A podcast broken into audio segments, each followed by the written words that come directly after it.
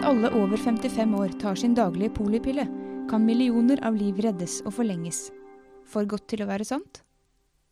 Den vanligste dødsårsaken i verden i dag er kardiovaskulær sykdom.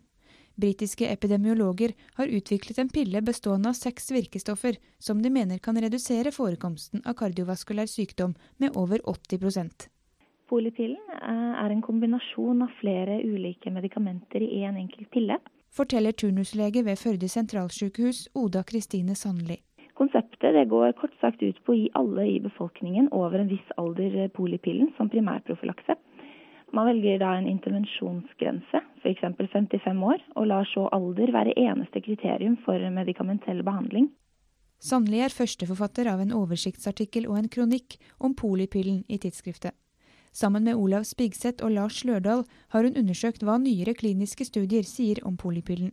Det var professorene Nicholas Wald og Malcolm Law som i 2003 presenterte polipillen for første gang, gjennom en artikkel i BMJ.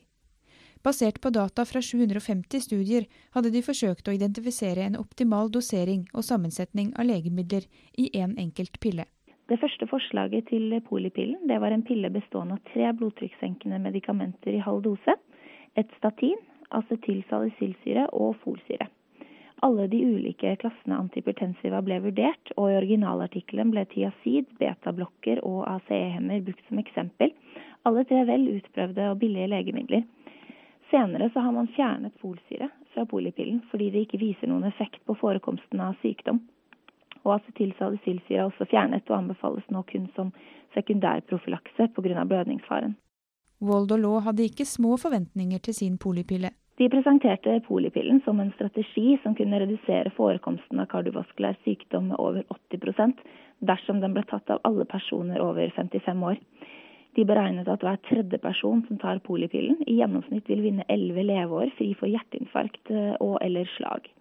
Polipillen er sånn sett en one size fits all-strategi, altså i prinsippet for alle, uansett kjønn, etnisitet eller nivå av risikofaktorer. Etter at polipillekonseptet først ble lansert, er det gjennomført noen kliniske studier.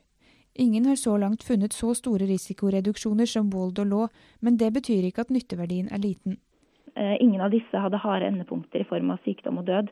Men basert på målinger av nedgang i blodtrykk og kolesterol, så varierer den estimerte risikoreduksjonen på mellom 20 og 65% for slag, og mellom 30 og 70% for hjerteinfarkt. Det har også av ulike grunner vist seg vanskelig å vurdere forekomst av bivirkninger. Og kun to av seks studier har, all, har hatt alder som eneste inklusjonskriterium. Og det har i mange av studiene vært betydelige problemer med etterlevelse. Og frem til nylig så hadde heller ingen av studiene brukt en polipille med den sammensetningen og doseringen som Waldo Laws opprinnelige estimater baserte seg på. Men i 2012 så kom det en overkrysningsstudie hvor man brukte en polipille med samme medikamentkombinasjon og dosering som i de opprinnelige anbefalingene. Og i denne studien så, så man også reduksjon av blodtrykk og LDL-kolesterol opp mot de nivåene som opprinnelig var beregnet. Denne studien var imidlertid liten, med kun 86 deltakere. Hva sier tilhengerne, og hva sier skeptikerne? Siden kardiovaskulær sykdom er den vanligste dødsårsaken i verden i dag, og opphav til veldig mye lidelse, så mener jo mange at en masseforebyggingsstrategi med farmakologisk behandling kan forsvares. Og I tillegg så fremheves potensialet dette har for lav- og middelinntektsland med begrensede helseressurser. Mye av skepsisen har jo rettet seg mot den manglende individuelle tilpasningen av medisiner, manglende monitorering og oppfølging, og kanskje spesielt det mange har tolket som økt sykeliggjøring av tilsynelatende friske mennesker. Og Det har også vært hevdet at dette vil ta fokuset bort fra tiltak som sunt kosthold, mer fysisk aktivitet og mindre stress, selv om det selvfølgelig ikke er noe i veien for at man skal kunne gjøre begge deler. Hvor står man i dag? Kommer det noensinne en polipille på markedet, og hvor langt unna er vi i så fall? Det er allerede laget flere ulike typer polipiller til bruk i de forskjellige studiene. Det er altså fullt mulig å lage polipillen av billige og lett tilgjengelige generiske medikamenter. Det finnes foreløpig ikke en polipille å få kjøpt de fleste steder, inkludert Norge.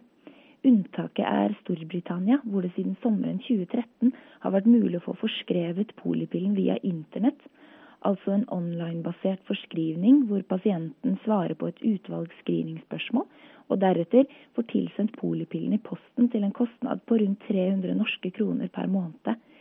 Det er Wald Law som står bak denne nettsiden. De har patentert konseptet, og vi vet i dag ikke hva dette vil ha å si for prissetting og tilgjengelighet i fremtiden.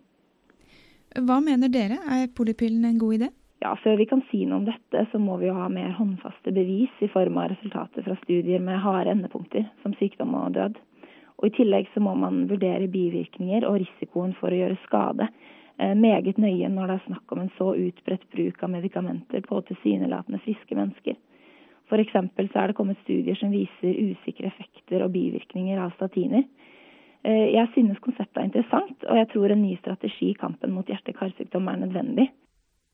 Du kan altså lese både en oversiktsartikkel og en kronikk om polipillen i tidsskriftet nummer seks. Jeg heter Eline Feiring.